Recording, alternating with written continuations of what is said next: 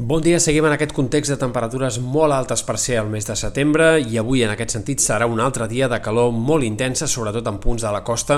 on el termòmetre encara es podria enfilar més que no pas ahir, especialment a la costa central i sud de la Costa Brava, on les màximes poden arribar a superar els 30 graus a la mateixa línia de la costa i pot haver-hi sensacions tèrmiques de 36, 37, 38 graus, com ja va passar en jornades anteriors. Per tant, calor encara molt intensa en aquest dimecres, sobretot a prop de mar, i un dia mig ennubulat, amb la possibilitat d'alguns ruixats i tempestes a la tarda, com ja va passar ahir, bàsicament en comarques de l'oest, sobretot als ports i el Pirineu i Prepirineu, tot i que no el descartem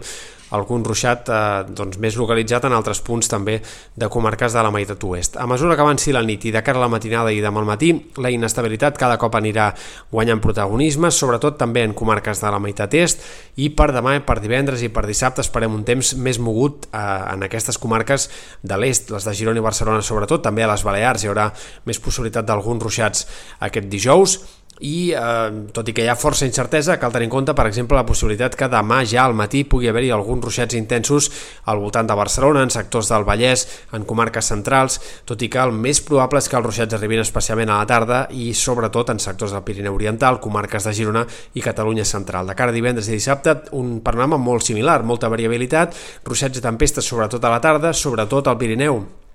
en sectors de la Catalunya central i comarques interiors de Girona, però cal tenir en compte també la possibilitat que alguns d'aquests aiguats sobtats puguin afectar el Vallès, sectors al voltant de Barcelona, punts del Maresme o fins i tot eh, sectors de la Costa Brava al llarg de divendres també. Eh, dissabte encara seguirien aquests ruixats de tarda i de cara a diumenge sí que esperem que la inestabilitat vagi minvant cada cop més. Pel que fa a temperatures, els pròxims dies a poc a poc la xafogó s'anirà apagant, no ho farà de forma sobtada, sinó que de forma lenta i progressiva a partir de demà i sobretot durant el cap de setmana i un aspecte interessant de la previsió a llarg termini és que comença a guanyar enters la possibilitat que a mitjans de la setmana vinent, coincidint precisament amb l'entrada oficial de la tardor dimecres, puguem tenir temperatures una mica baixes per l'època per primer cop en aquest mes de setembre. És possible que entre dimarts i dimecres que ve pugui començar a sumar-se una mica l'octubre i l'ambient de tardor.